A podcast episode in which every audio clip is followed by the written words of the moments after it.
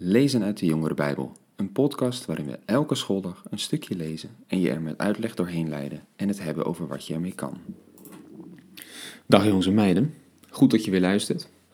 Ook vandaag weer een praktische vraag. Ik weet niet of je er al naar uitkijkt, maar als je uiteindelijk 18 bent, als je 18 wordt, dan mag je officieel drinken.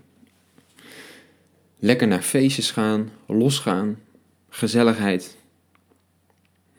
Tja, we hebben het maandag gehad over seks voor het huwelijk en of dat wel mag volgens de Bijbel. Dit is eigenlijk ook weer zo'n onderwerp. Hè? Mag je als christen wel drinken? Misschien heb je daar wel zo over nagedacht. Krijg je die vraag wel eens? Zegt de Bijbel niet dat je dat eigenlijk niet moet doen? Ook dat lijkt me goed om weer eens even bij stil te staan.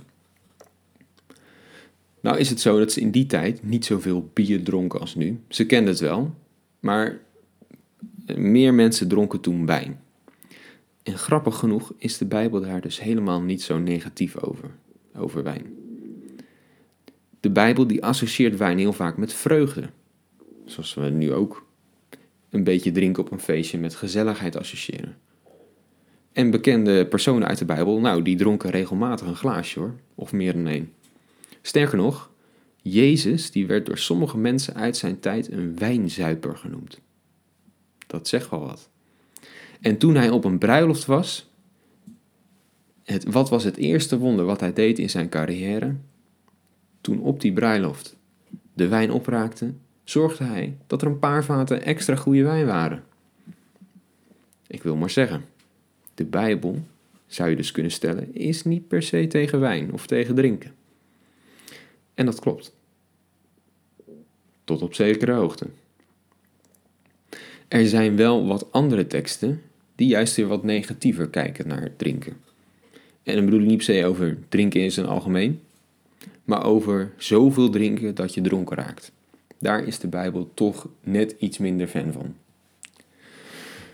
Ik zal eens wat teksten voorlezen. In Spreuken bijvoorbeeld, daar staat in hoofdstuk 20, vers 1: Van wijn word je een spotter, van bier een braller. Wie zich bedrinkt, verliest zijn verstand. Spreekt voor zich, denk ik. En in hoofdstuk 23, daar wordt het verhaal verteld over de dronkaard. Eigenlijk iemand die verslaafd is aan wijn. Vanaf vers 29 staat daar: Wie roept altijd ach en wee? Wie maakt altijd ruzie? Wie heeft altijd wat te klagen? Wie raakt altijd nodeloos gewond? Wie heeft er altijd troebele ogen? Een dronkaard, die tot in de vroege morgen drinkt, die blijft proeven van de wijn. Laat je niet verleiden door de glans van wijn, wanneer hij fonkelt in de beker. Hij glijdt zo makkelijk over de tong, maar later bijt hij als een slang, spuit hij gif als een adder. Dan zie je vreemde dingen. Dan begin je wartal uit te slaan. Je voelt je heen en weer geslingerd door de golven, alsof je vastzit boven in het wand.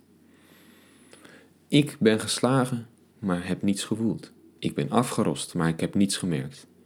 Laat ik maar eens opstaan. Eerst een beker wijn. Ook wel een tekst die voor zichzelf spreekt, denk ik. En in het Nieuwe Testament gaat het ook een aantal keer over wijn. Paulus die schrijft er ook een aantal keer over. Hij zegt, uh, en dat is een iets algemenere tekst, niet direct over drinken, maar in, aan de eerste, aan de Corinthiërs schrijft hij in zijn eerste brief aan hun over een leus die in Korinthe rondging. He, zij zeiden tegen elkaar, nou, alles mag. Dat hoor je, heb je misschien ook wel eens gehoord. Als we dan tegen elkaar zeggen, het maakt niet uit wat je doet, God houdt toch wel van je, dan kan je dus zoiets denken van, nou, alles is dus goed, maakt niet uit. Paulus die zei erover tegen hen in hoofdstuk 6, vers 12. U zegt, alles is mij toegestaan. Maar niet alles is goed voor u hoor. Zeker, alles is mij toegestaan, maar ik mag me door niets laten beheersen. Het is dus niet zo dat er bepaalde wetten zijn in de Bijbel die zeggen: gij zult niet drinken of gij zult niet meer dan twee glaasjes drinken. Nee, Dat klopt. Maar dat betekent dus ook niet dat je dus maar meer moet gaan drinken. Alles is toegestaan, maar niet alles is goed. Niet alles bouwt op. Je moet je niet door dingen laten beheersen.